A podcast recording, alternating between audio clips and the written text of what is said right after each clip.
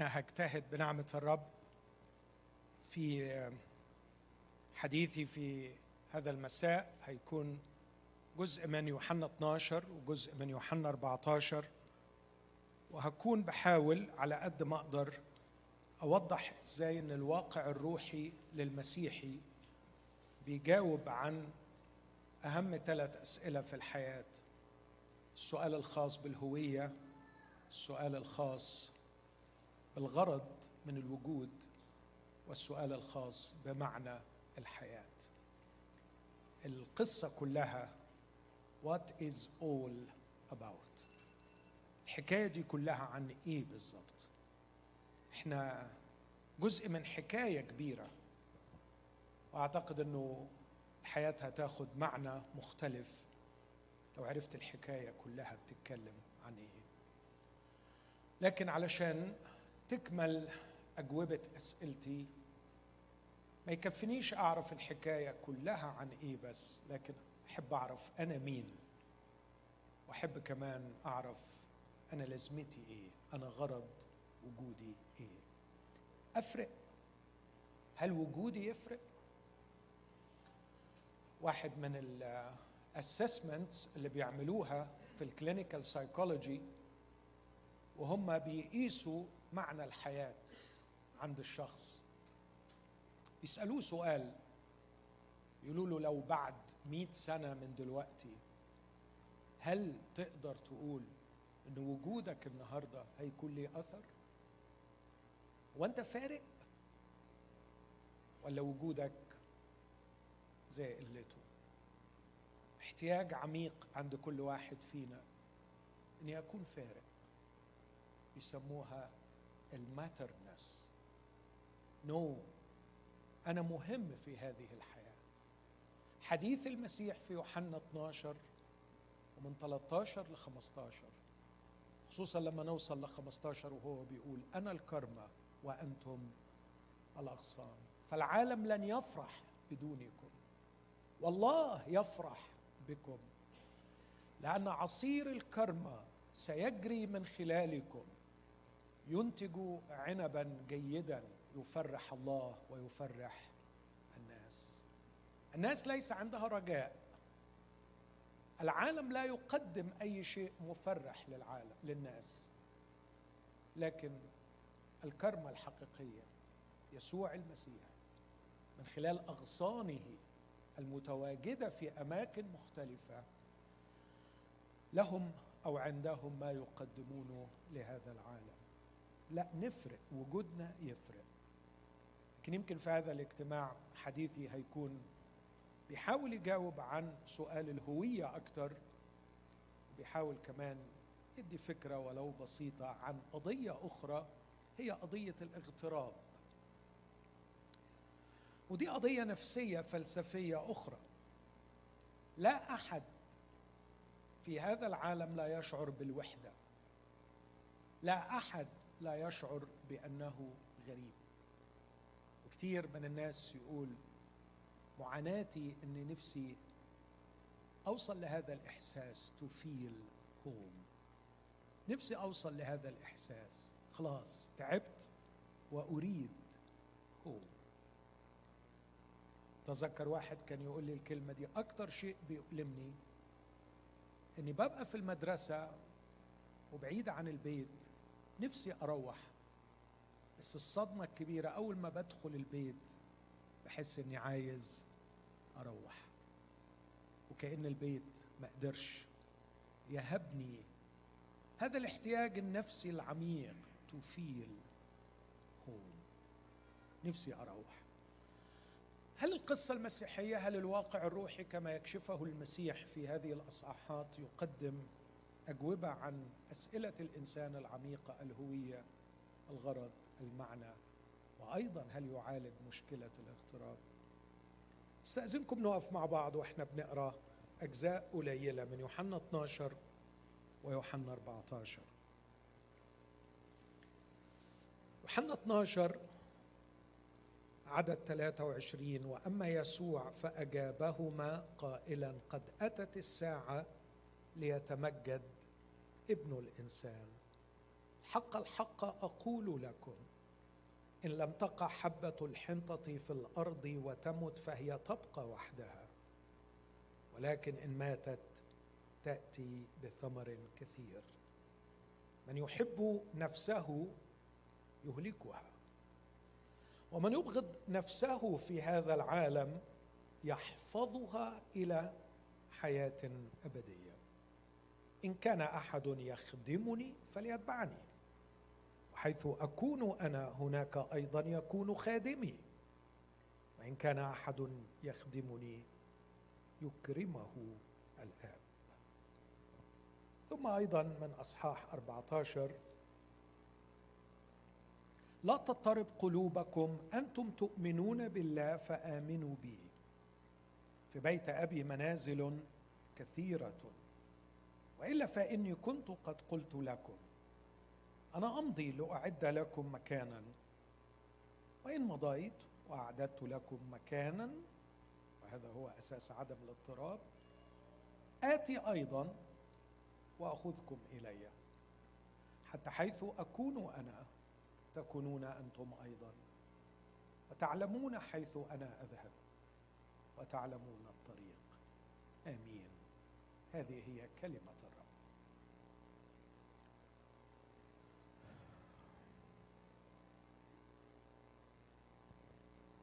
إيه الفايدة اللي ممكن نكون بنستفيدها عمليا من يعني الاستطراد والإفاضة في الشرح اللي عملته في الاجتماع السابق من جهة تغيير الواقع الروحي اللي غيره الرب يسوع جذريا إذ نزع رئيس هذا العالم من على عرشه وطرحه خارجا. الآن يطرح رئيس هذا العالم خارجا. وأصبح الرب يسوع هو الملك الممسوح والمعين من الله. وبالتبعية أصبحنا نحن العائلة الملكية. أقولها باتضاع أقولها بفخر أقولها بخجل. We are the royal family. نحن العائلة الملكية. لأنه يرى نسلا تطول أيامه ومسرة الرب بيده تنجح. ومن الواضح أن قصد الآب لم يكن أن يقيم ملكا لكن يقيم عائلة ملكية. الملك وعائلته. وقد غلب الملك حقق الانتصار وتم مسحه وتبوأ عرشه وهو الآن بيجهز ال royal family. بيجهزها إلا أنه من الواضح جدا أن هذا الملك لاعتبار عظيم خسره آدم الملك الأولاني أنه ملك وكاهن. ولهذا فهو على رتبة ملك صادق. والمقصود بأنه ملك وكاهن أن مهمته ليست مهمة سياسية فقط للإدارة وهي مهمة شريفة وكريمة أن يدير الكون لصالح البشر أن يدير الكون المخلوق لصالح الخليقة. سواء الخليقة العجموية. التي تئن الآن والتي أخضعت للبطل بسبب الملك الفاشل الأول لكنها ستعتق من عبودية الفساد إلى حرية مجد أولاد الله تحت سيادة الملك العظيم يسوع المسيح. فهذا الملك إدارة مدير إدارة جديدة.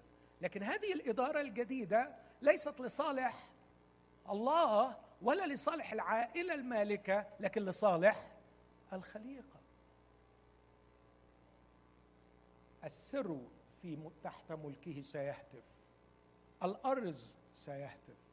الشجر سيصفق. الجبال ستسبح. الخليقة كلها سوف تبتهج تحت ملك يسوع المسيح. لكن هذا الملك الممسوح ليس فقط ملك لكنه كاهن أيضا. والكهنوت مهمة روحية.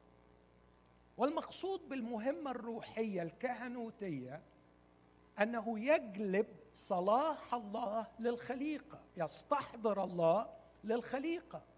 لكنه أيضا يستحضر الخليقة إلى الله. فهو حلقة وصل بين الله وبين الخليقة. في رؤيا عشرين وهو يتكلم عن الملك النهائي يقول يكونون كهنة الله. هؤلاء الذين ليس للموت الثاني سلطان عليهم سيملكوا مع المسيح وسيكونون كهنة الله والمسيح. كهنة الله والمسيح. كل ما عند الله من حب من صلاح من جود من أخبار طيبة ينقلها الملك الكاهن إلى الخليقة. وكل ما عند الخليقة من أسئلة من حيرة أو من حب وذبائح وتقديمات ينقلها الكاهن إلى الله. إلا أنه يا إخوتي الشيء البديع والغريب أن هذه ال royal family التي أتى بها يسوع المسيح بموته بخلاصه الذي صنعه هي أيضا عائلة كهنوتيه فهي عائلة ملوك وعائلة كهنة وعشان كده يقول عنهم مملكة كهنة. أحبنا وقد غسلنا من خطايانا بدمه وجعلنا أو مملكة عائلة ملكية كهنوتية لو أردنا الدقة في الترجمة. أو زي ما بيقول عنهم في بطرس الأولى اصحاح اثنين كهنوت ملوكي. لتخبروا تشو تبينوا وتظهروا فضائل الذي دعاكم من الظلمه إلى نوره العجيب. لقد دخل يسوع بمفرده إلى المعركة ونزع رئيس هذا العالم وطوح به بعيدا وحقق الانتصار وصعد إلى العلاء وسبى سبيا وجلس على العرش كاهنا وملكا على كرسيه لكن الأعجب والأغرب أوجد لله عائلة ملكية كهنوتية. وفي مجيء الثاني عندما يدخل بهم إلى الآب فخره ليس انتصار الذي حققه على إبليس لكن فخره يقول ها أنا. والأولاد الذين أعطانيهم الله. وهنا يقتبس من اشاعه 8 إذا رجعنا للنص في اشاعه 8 ها أنا والأولاد الذين أعطانيهم الله. آيات وعجائب. فكل ابنه وكل ابن جاء به يسوع هو آية وأعجوبة.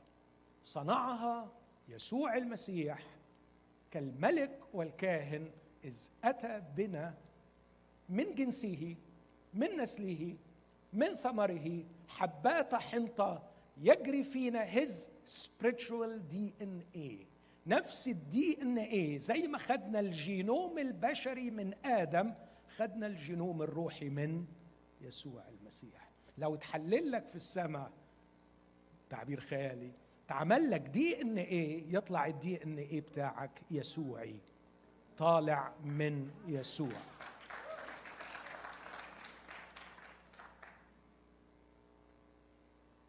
هو ده قصد الله. تذكر في إحدى البلاد مجرد ما نزلت من المطار جاءتني مكالمة تليفون من شخصية معروفة. وقال لي أهلا حبيبي أنا مبسوط إنك جيت. قلت له عرفني بيك. قال لي يمكن أبسط تعريف أقوله لك. هو أنا يسوعي القلب وحاجة الديانة. قلت له وأنا يسوعي القلب قبطي الديانة. يسوعي القلب يسوعي القلب يسوعي الكيان. يسوع يا أحبائي جنس يسوع يا أحبائي kind of being. يسوع يا أحبائي نوع كائن جديد. من ارتبطوا به خليقة جديدة. إنسان جديد مخلوق بحسب الله في البر والقداسة الحقيقية وليس البر والقداسة المزيفة التي ينتجها الدين والتدين. أعتقد انه هذا المفهوم واضح قوي في رؤية يسوع لمجده. اسمع النص تاني من فضلك هاتولنا يا مارك الآن أتت الساعة ليتمجد ابن الإنسان. كيف يا سيدي ستتمجد؟ احكي لي احكي لي عن صولاتك وجولاتك في ساعات الظلمة وأنت تجرد الرياسات والسلاطين وأنت تشهرهم جهارا وأنت تطوح برئيس هذا العالم وأنت تبيد بالموت. ذاك الذي له سلطان الموت. احكي لي عن مجد نصرتك وأنت الفتى الجميل تطوح بمقلاعك لكي تسقط الجبار وتحقق الانتصار على من هو أعظم من جليات احكي لي عن نصرتك على إبليس. لكن لا يحكي عن نصرته على إبليس.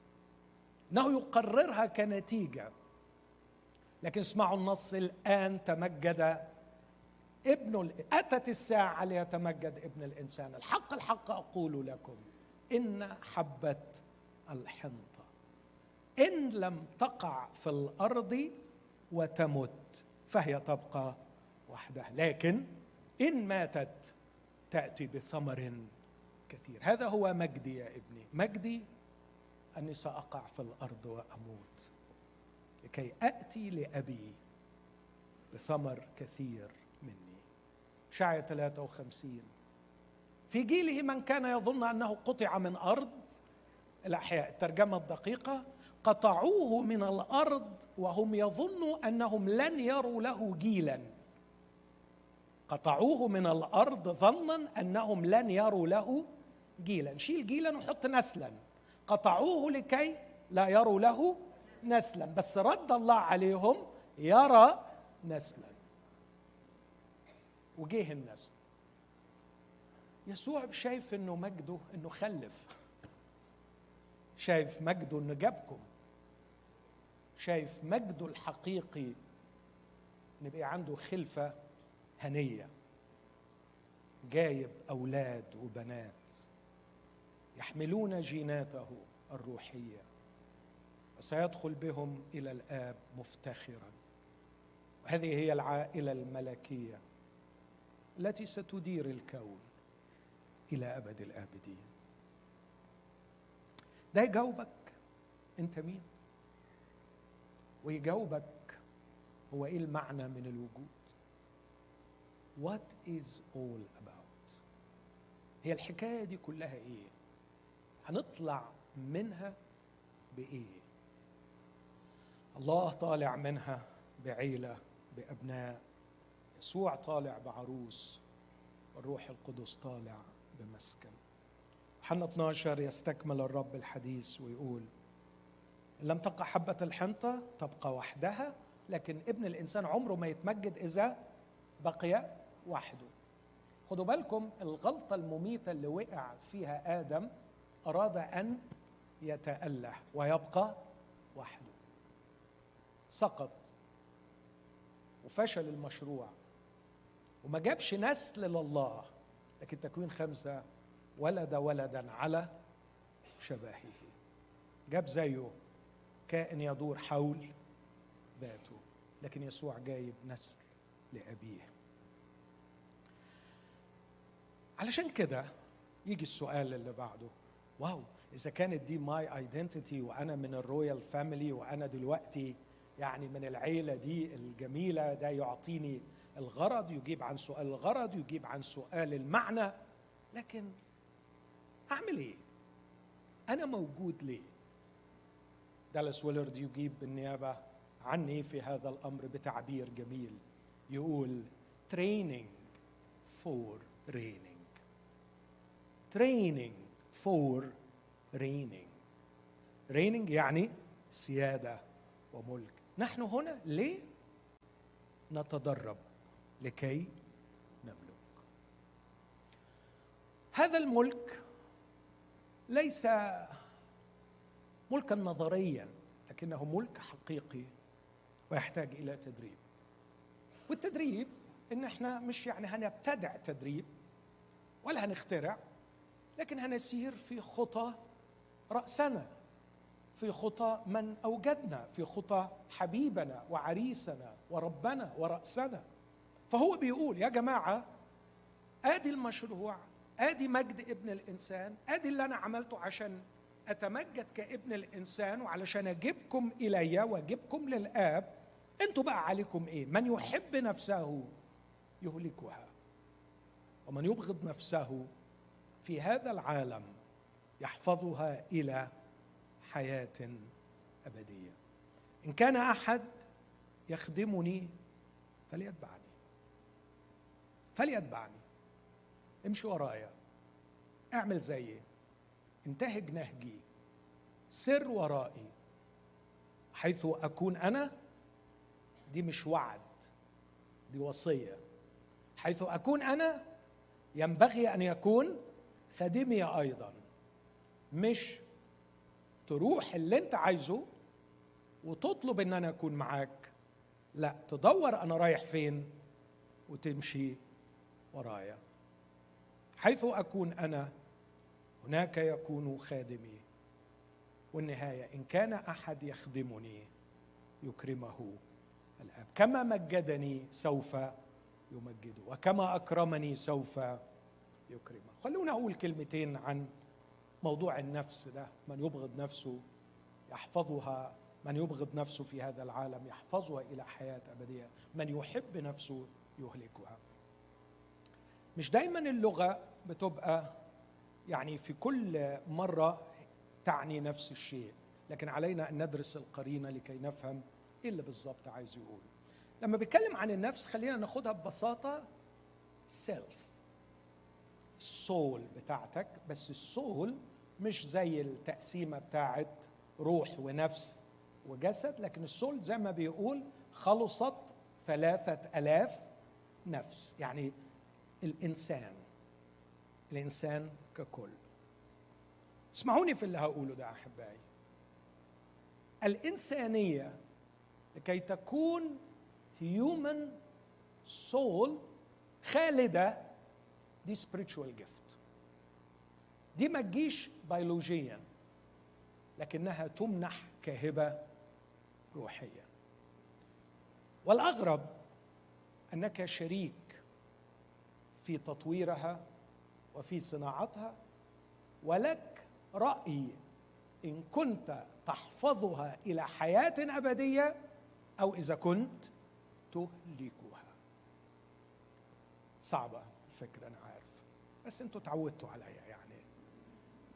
وأنا طالع حد قال لي أنا جبت 70% من اللي أنت قلته خير كتير. أنا شخصيا بجيب 60% من اللي أنا بقوله يعني.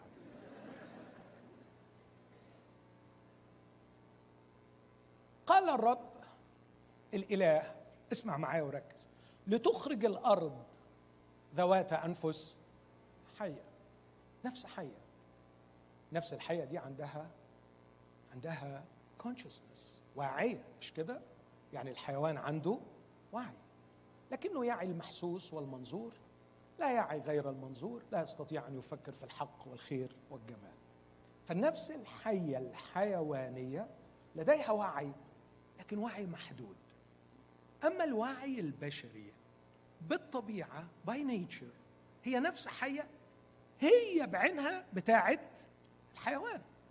نفس الحية اللي في الإنسان هي النفس الحية اللي في الحيوان. لكن الوعي بتاعها مختلف شوية لديها potential للأنسنة. لديها potential للخلود. لديها potential أن تتغير وتتطور إلى كينونة روحية خالدة.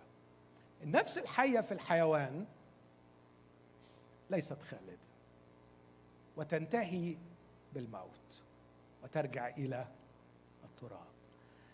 لكن النفس الحية في الإنسان لديها هذا البوتنشال أن تولد من الله.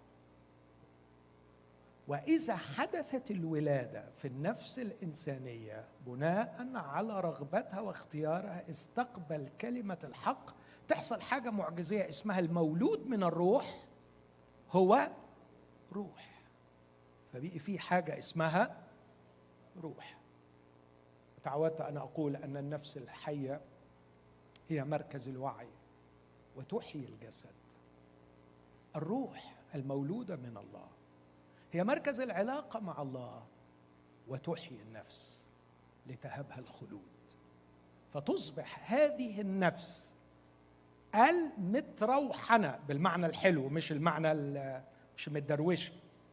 لكن النفس اللي بقيت spiritualized بالروح تبدأ تكبر وتتطور وتودع الموت وتدخل إلى الخلود. من الآن. من الآن. فيبقى عندنا spiritual beings. اللي بولس يقول لهم في كورنثوس لم أستطع أن أكلمكم كروحيين لكن أكلمكم كجسديين بعدين يقول تعبير غريب لأنكم إن كان بينكم تحزب و و و. ألستم جسديين؟ وتسلكون بحسب زي بقية الناس؟ بعدين يستكمل حديثه ويقول لأن الإنسان الطبيعي لا يقبل ما لروح الله. وكلمة الطبيعي سكيكوس يعني النفسي يعني اللي هو مجرد نفس حية. ما حصلت لهاش عملية ال spiritualization. إيه علاقة ده بالنص ده؟ السلف بدون الروحنه الصحيحة دي تدفعها وتقودها وتسيرها الرغبات. الرغبات. زي إيه؟ sorry. زي الحيوان. الغرائز. اللي نفسي فيه. اللي بحبه. ال feelings. اللي النهارده أصبحت مقدسة. فالناس تعيش وتتبع feelings يعني إذا جت عليه لحظة كده وحس إنه امرأة في جسد رجل يعمل إيه؟ في جسمه غيره طبعا. لأنه الأهم هو my feelings أمال يعني عايزني أجي على ال feelings بتاعتي يعني؟ لا طبعا. اوعى اوعى إلا ال feelings you are your feelings هذه هي الحيوانية.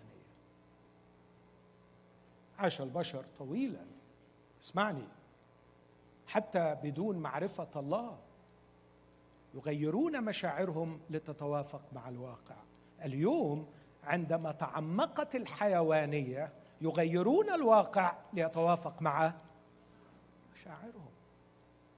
إذا سرت وراء الرغبات وراء المشاعر وراء ال feelings وراء ال desires وراء ما يسميه بولس كنتم ميتين وراء مشيئات الجسد والأفكار تهلكها. تضيع ال potential بتاعها to be spiritual being. تضيع ال potential to be human تضيع ال potential بتاع الخلود. وتحكم على نفسك بالهلاك الأبدي. عشان كده الفرصة متاحة ولدينا إنجيل لدينا كرازة. أن الرب يسوع يدعوك أن تقبله. ليخرجك من الموت والهلاك ويهبك الخلود والحياة. لكن إذا أبغضتها يعني إيه تبغضها؟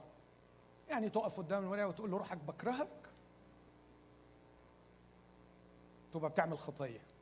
على الأقل لأنك بتبغض حاجة ربنا بيحبها. أوعى تعمل كده. الحاجة اللي ربنا بيحبها لازم أنت تحبها. فإذا كان ربنا بيحبك فأنت لازم تحبك. إذا كان ربنا بيحبك فأنت لازم تحبيكي. ما أعرفش يعني إيه تحبيكي أنا بحبني. لأني غالي. وهو قال لي كده. صرت عزيزا. you are precious أنت مكرم. وأنا عايز أدي لك الخلود. أنا هدي لك نوع وجود مختلف ومن دلوقتي. فلو حبتني أقبل عطاياه ليا. لكن المقصود بإني أبغضها إني لا يمكن أن أسمح لرغباتي ومشاعري وال feelings أن تهلكها. لا يمكن ابدا. تقول لي طب ما ال feelings دي جزء منها؟ أقول لك للأسف لا ال feelings دي تكونت بحكم المجتمع اللي انت موجود فيه. المجتمع اللي انت موجود فيه you are immersed in it. انت انت غطسان فيه بحيث انه اصبحت الأمور المهمة وهي دي اللي بتوجد المشاعر مغلوطة. مغلوطة. واحد من الفلاسفة المسيحيين اسمه روبرت سي روبرت يقول إنه تعريفه للمشاعر هي تكوين ذهني مجتمعي عن ما يهمك. فأنت بتحس أحاسيس خاصة من جهة الشيء الذي يهمك. لو ما فيش اهتمام ما فيش أحاسيس. صح؟ فكر فيها. طب ومين اللي بيشكل ما يهمنا؟ المجتمع اللي إحنا عايشين فيه. مجتمع بيدينا إيحاءات معينة. إنك مثلا مش هينفع تسعد إلا في بلد معين بدخل معين بزواجه معينة بعلاقات معينة. هو اللي كون لك كده. وأنت عملت إيه؟ صدق وبقيت الفيلينجز بتاعتك ماشية وراه قصد الرب يسوع أن تبغض نفسك هو أن تبغض رغباتك والفيلينجز بتاعتك اللي بتقودك بعيدا عن عملية الروحنه الحقيقية. لكن من يبغضها في هذا العالم بص التعبير الجميل. من يبغضها فين؟ في هذا العالم. يعني الحكاية دي مش هحتاج أمارسها لما أروح فوق لأنه ما فيش هذا العالم الذي يكون هذه الفيلينجز من يبغضها في هذا العالم يحفظها إلى حياة أبدية. كان أحد يخدمني فليتبعني. امشي ورا الرب يسوع ما تمشيش ورا العالم. النهارده كنت بصلي قبل ما أنزل وبقول له يا رب إيه الحاجة العملية اللي عايز نوصلها لإخواتي؟ قال لي كذا حاجة من ضمنهم. يا إخوتي اكرهوا العالم. اكرهوه ارجوكم ابغضوا العالم. العالم مش عارف أقول عليه. مجرم قاتل. بص على كل طفل محروم من أبويه مشرد مسحوق وقول العالم هو السبب. بص على كل ألم ومرارة وكسرة وحزن. بص على الخيانة والغدر والنجاسة. بص على الشر اللي حاصل وقول العالم هو السبب. اكرهوا العالم. العالم عمره ما عرف يسعد حد. محبة العالم عداوة لله. الآن دينونة هذا العالم. يا نفسي إن كنت تدعي أنك تلميذه للمسيح ابغضي العالم. ابغضي العالم. اكرهي مبادئه.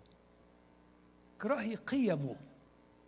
اكرهي الفيلينجز اللي بيخلقها اكرهي خداعه.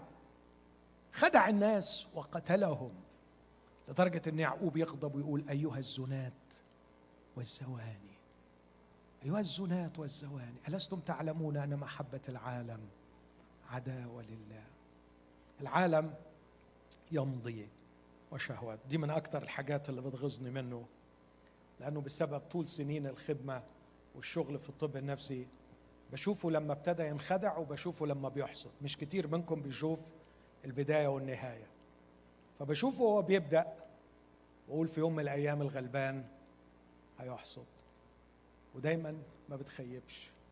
أشوف في النهاية من صار وراء مبادئ العالم سحقهم العالم سحقهم العالم. اسمع العبارة دي واحفظها من فضلك. احفظها أرجوك موجودة في سفر عموس. صاروا بالسين ساروا وراء الباطل وصاروا بالصاد باطلا. ساروا وراء الباطل وصاروا باطلا. وسرت وراء يسوع وصرت انسانا. سرت وراء يسوع فصرت انسانا. ومن ساروا وراء الباطل صاروا باطلا. يسوع بيدعوك.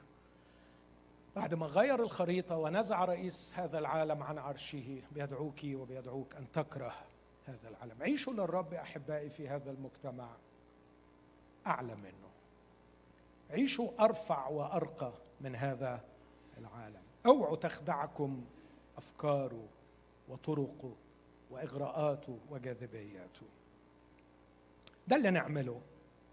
الرب يسوع بيستكمل بعد كده. ما فيش وقت إن أتكلم فيها. إزاي هو هيدخل الحرب دي لوحده؟ وعشان كده حبيب قلبي يقول الآن نفسي قد طربت. وماذا أقول؟ هل أقول أيها الآب نجني؟ الحكاية دي بقى خدها كده اللقطة دي وروح بيها لجسماني يوم الخميس بالليل. واتفرج عليه في جهاده بمفرده. وهو يجاهد يجاهد لأنه كان يعلم ثقل المعركة التي هو داخل إليه. وده واحد من الأسرار اللي لم يتح لنا أن نعرف ماذا حدث هناك. لا في البستان ولا في الجلجسه كل اللي نعرفه إنه في البستان ظهر له ملاك لكي يقويه في جهاده مع هذا العدو البشع. على الصليب وأنا أعتقد إن هذه العبارة اللي هقولها دلوقتي مقتبسة من المزمور كانت تلخص كل تنهداته وهو على الصليب وليس فقط لحظة تسليم الروح. لما يقول له يا أبتاه في يديك أستودع روحي. يا أبتاه في يديك أستودع روحي. يا أبتاه في يديك أستودع روحي. فظل يستودع الروح في يدي الآب مسلما للآب طوال الوقت وهو متروك يحارب ويصارع بمفرده حتى في النهاية نكس الرأس وأسلم. الروح بعد أن حقق الانتصار. وقبل ما يعمل كده صرخ صرخته الشهيرة وقال τετέλεσται قد أكمل وحقق الانتصار. أتمنى إن إحنا نمشي وراه. إذا كان لدينا his genome يبقى لازم نمشي وراه. نمشي وراه إنه لا نحب أنفسنا بمعنى ال desires بتاعتنا لا نسير وراءها لكن نتبع يسوع. إن كان أحد يخدمني يتبعني واللي هيتبعني الآب سوف أو اللي هيخدمني الآب سوف يكرم. يكرمه إيه بقى؟ يكرمه على قد خدمتك ليه.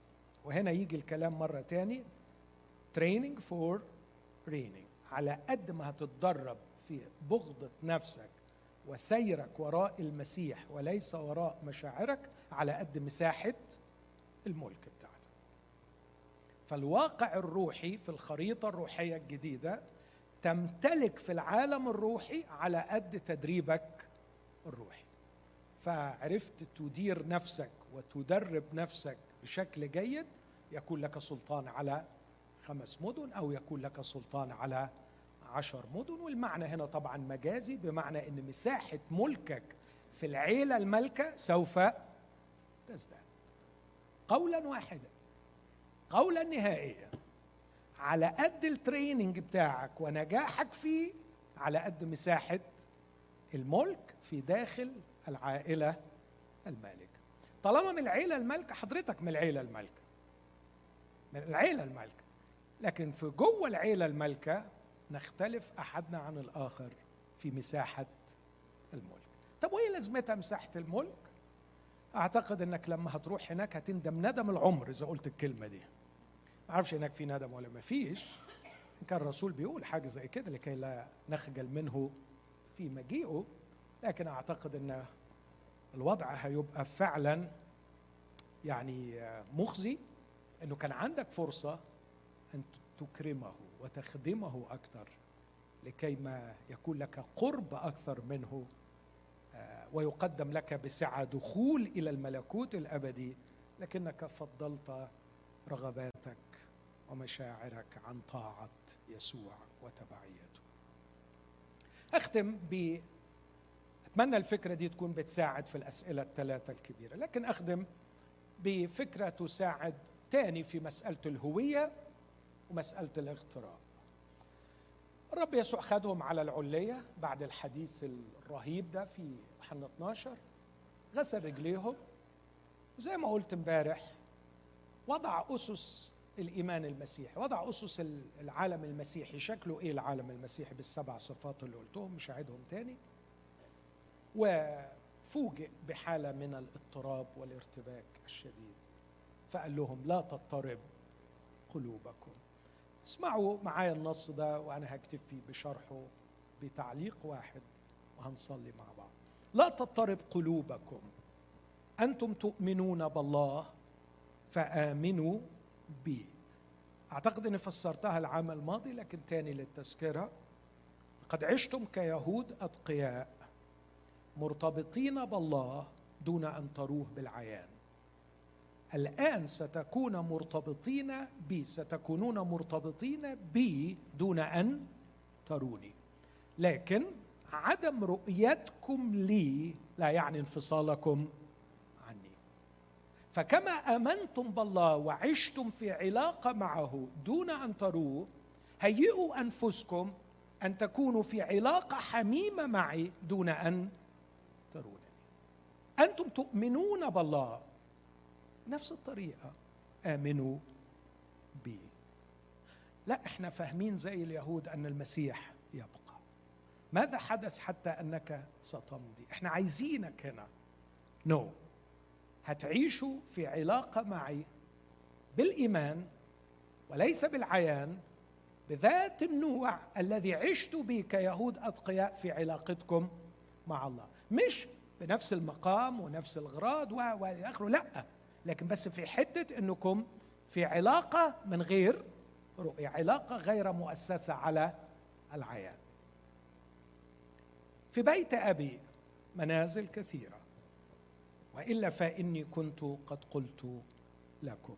لو كان الأمر غير كذلك لكنت أخبرتكم. إني أقف على مشارف المكان وأرى المكان والمكان معد ومملوء بالمنازل الكثيرة. فقط يحتاج أن أدخل لكي أضمن لكم شرعية الدخول. سأدخل إلى هناك كإنسان لأوجد في هذا المكان غير المخلوق مكان للبشر. لأن هذا المكان لم يدخله قط إنسان. فأنا بار إنوش سأدخل.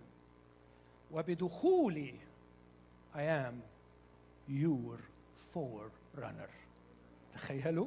دخل يسوع كسابق لاجلنا إذا لم أدخل لا تستطيعوا أنتم الدخول. فدخولي وجلوسي كإنسان هناك يعلن شرعية دخولكم ويعلن حقكم في الدخول. فأنا أدخل لأعد لكم مكان. أنا مش بعدكم أنتوا عدكم أنتوا دول بالموت والقيامة والحياة والروح القدس لكن بعد ليكم المكان بجلوسي هنا.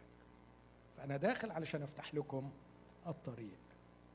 وإن مضيت وأعددت المكان آتي أيضا وأخذكم إلي حتى حيث أكون أنا تكونون أنتم أيضا. وبعدين يقول وتعلمون حيث أنا أذهب وتعلمون الطريق. أقول سؤال وأقرر حقيقة. السؤال رب يسوع بيقول لهم لا تضطرب قلوبكم. وسؤالي على أي أساس؟ على أساس أنه يمضي ليعد لهم مكان؟ أم على أساس أنه سيأتي ثانية ويأخذهم إليه؟ بص اقرأ النص بتدقيق علشان ما نتسرعش في الإجابة. لا تضطرب قلوبكم. أنتم تؤمنون بالله فآمنوا بي في بيت أبي منازل كثيرة وإلا فإني كنت قد قلت لكم. أنا أمضي لأعد لكم مكان. بعدين وإن مضيت وأعددت المكان آتي أيضا وأخذكم إلي. يسوع لما بيقول لهم لا تضطرب قلوبكم على أساس أنه رايح يعد لهم مكان ولا على أساس أنه هيجي تاني ويأخذهم إليه. بصراحة لو على أساس أنه هيجي تاني بعد ألفين سنة فهذا الوعد لا قيمة له. لا تضطرب قلوبكم يا تلاميذ لأنه بعد ألفين سنة أنا راجع تاني ولا بعد خمس ولا بعد سنة. وأنا اعمل إيه في السنة دي؟ ده مرار. إخوتي هذا الوعد أو هذه الوصية بعدم الاضطراب. عدم اضطراب ليس لأن يسوع سيأتي ثانية لكن لأن يسوع دخل كسابق لأجلنا. يقول عنه في عبرانيين ستة هذه العبارة اللي تشرح ده. أن النفس مؤتمنة وثابتة تدخل إلى مداخل الحجاب حيث دخل يسوع كسابق لأجلنا. النفس مؤتمنة وثابتة. تدخل تدخل بوعيها. استعرف مقامها. تدخل بعشم تدخل بعشم. تزق الباب وتدخل لأنه الجالس على العرش. رأسي وحبيبي وسيدي واسمي. مكتوب على قلبه. واسمي منقوش على كتفه. هو رأسي. أنا منه. أنا حتة منه. أنا غالي عليه. أدخل إلى مداخل الحجاب. ادخل وثق إنه تقلب مشاعرك لا يخرجك من هذا المكان. وأن اخطائك لا تخرجك من هذا المكان. ادخل وقول حي هو الرب الذي أنا واقف أمامه. أنا واقف قدامه لأن يسوع أهلني بدمه وبدخوله كسابق لأجلي. حتى وإن كان عندي شكوى من الرب أشتكيه وأنا في محضره. حتى لو كان عندي غضب أعمل زي إلي. حتى إلى المرأة التي أنا نازل عندها أسأت إليها. بيقول الكلام ده وهو واقف قدام قدام. ادخل وما تسيبش شعورك ووعيك بإنك جوه ما تسيبهوش ملطشة تحت تأثير مشاعرك أو حتى أخطائك. أنت جوه الدم مرشوش يسوع على العرش جالس اذا أنت مكانك فين؟ جوه. مؤتمنة وثابتة تدخل إلى مداخل الحجاب حيث دخل يسوع كسابق لأجلنا. وانت جوه مفيش اضطراب. وانت جوه مفيش اضطراب. لكن حقيقة مجيء المسيح اللي مش عارفين هيجي إمتى تعزينا إنه هيجي وهينهي هذا الواقع. لكن اللي هيسعفني من يوم ليوم وأنا أواجه مصاعب الحياة هو دخولي إلى المكان الذي أعدني له وأعده لي يسوع المسيح. السؤال أو الحقيقة الثانية ممكن اصيغها برضو في صيغة سؤال. يا ترى ما هو هذا المكان؟ هل هو السماء؟ هل هو بيت الآب؟ بصوا اللغة اللي بيقولها الرب يسوع وهو يتكلم عن أرواح وعالم روحي. بيقول حتى حيث أكون أنا تكونون أنتم أيضا وتعلمون حيث أنا أذهب. وتعلمون الطريق. يسوع بيقول لهم تعلمون حيث حيث تشير إلى المكان. تعلمون حيث أنا أذهب وتعلمون الطريق. يعني تعرفوا العنوان وتعرفوا ال direction دلوقتي لما حد بيبعت لي العنوان بعت لي العنوان وبعدين يقول لي أبعت لك ال location وأبعت لك ال directions أو أنت تدخل وتشوف ال directions يسوع بيقول لهم أنتوا عارفين ال destination عارفين المكان وعارفين كمان الطريق. بس فوجئنا بيه. لما توما ونشكر ربنا لأجل توما لما يا سيد لسنا نعلم أين تذهب. إحنا مش عارفين العنوان. فكيف نقدر أن نعرف الطريق؟ قال له يسوع أنا هو. الطريق والحق والحياة. أنا الطريق. خلينا في الطريق دلوقتي. أنا الطريق. طب what about المكان؟ what about ال destination كمالتها. ليس أحد يأتي إلى الآب إلا به. فال destination هو الآب والطريق هو يسوع. فأنا بروح للآب وطريقي إلى الآب هو يسوع. إيه العنوان اللي أنا قصده؟ الآب. فالآب هو عنواني. والآب هو مقري. أخوتي الأحباء لا أعرف لا أعرف شفاء وعلاج للاغتراب إلا حضن أب. حضن أب. تعرفوا أكتر حاجة العالم مفتقر إليها إيه دلوقتي؟ الأبوة. مأساة في كل الأرض إن الناس مش لاقية أب. ولو قريت أدب نجيب محفوظ. تعرف إن نجيب محفوظ كان صاحب نظرة ثاقبة للغاية عندما فسر معاناة الإنسان أنه محروم من الآب. وعندما تقرأ مثل الابنين الضالين تعرف إن المأساة الحقيقية هي الحرمان من الآب. مش المكان لأنه الواد الكبير كان جوه المكان بس كان محروم من الآب. وأبوه بيقول له يا ابني أنت معايا؟ وكل ما لي فهو لكن عمره ما عرف يستمتع بأبوه. وقال له حتى لما حلمت بجدي كنت عايز أفرح بيه مع أصدقائي لأنه ملوش علاقة مع أبي. أتمنى من قلبي ده درس عملي تاني. تتعلم إزاي تدفن راسك في صدر أبوك. تعلم. تعلم. تعلم ترمي روحك في حضن أبوك. تقول لي مش شايفه. بالإيمان. بالإيمان. بعمل بالإيمان بس مش بحس. اصبر شوية. الأحاسيس دي حاجة بتتكون. هتيجي الأحاسيس. لكن درب نفسك عشر مرات في اليوم إنك ترمي نفسك في حضن قول له hug me. I need your hug. I need حضنك.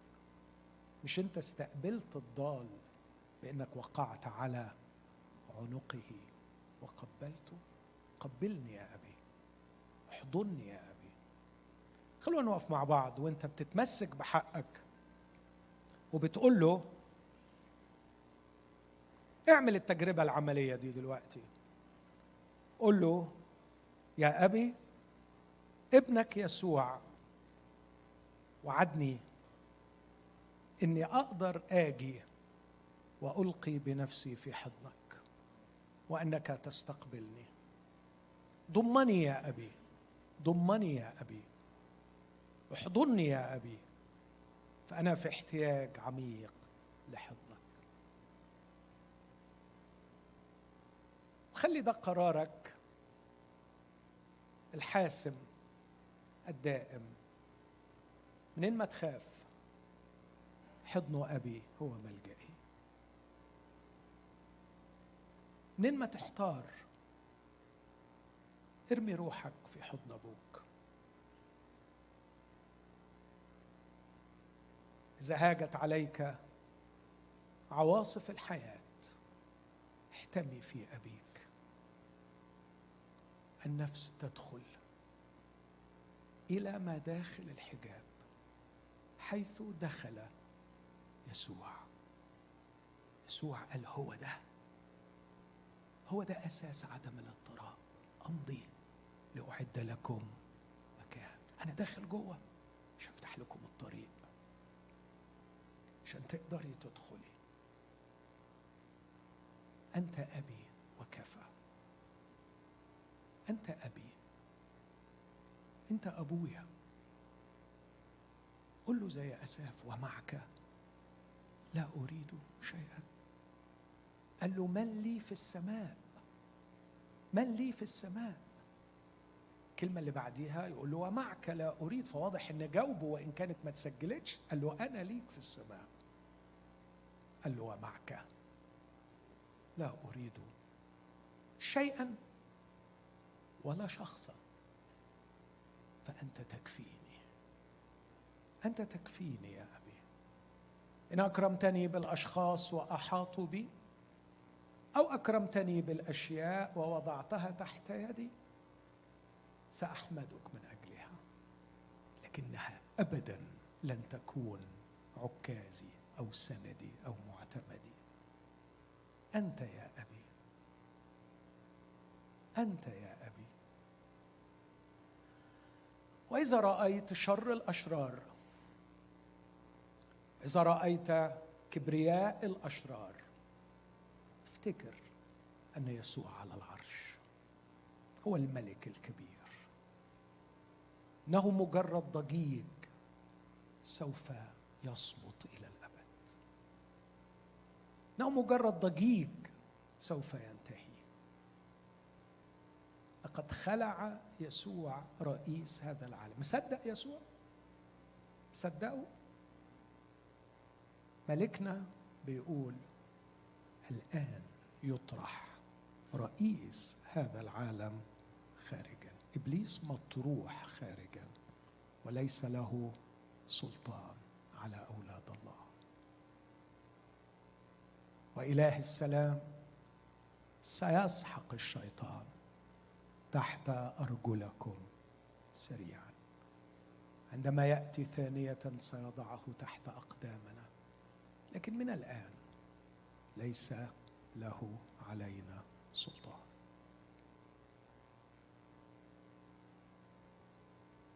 وعندما ترى بريق العالم لا تكن ساذجا غيا غبيا وتنجذب به. فهو بريق بلا جوهر. مجرد مظهر بلا جوهر.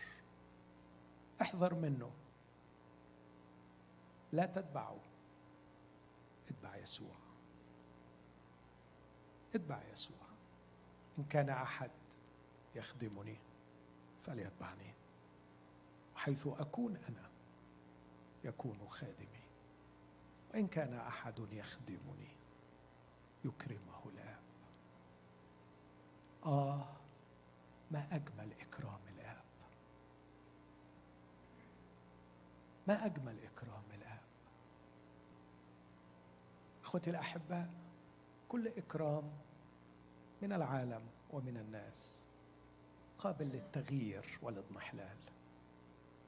لكن إن أكرمك الآب يخلد إلى الأبد اكرامك أترك معاكم الكلمتين دول حضن الآب وإكرام الآب. أمام الهم لا تضطرب. القي بنفسك في حضن أبيك.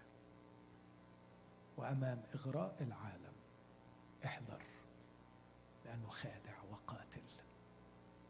وانتظر إكرام أبيك.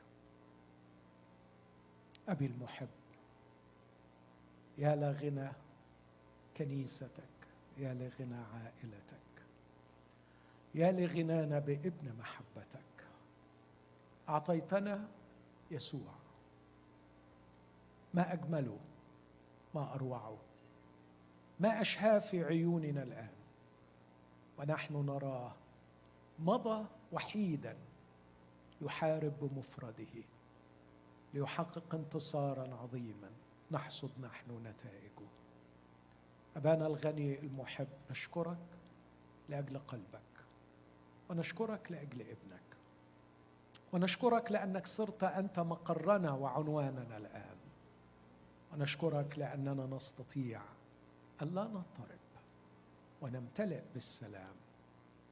أبانا المحب أعنا لكي لا نخدع فلا نتبع سيدنا أعنا لكي نتبعه. في كل يوم لكي نستمتع بإكرامك لنا. في اسم المسيح. آمين. آمين. أعتقد إنه في خمس دقائق عشر دقائق للترنيم. تفضل يا سامح. تفضل. خلونا واقفين. أنتوا تعبتوا من القعدة.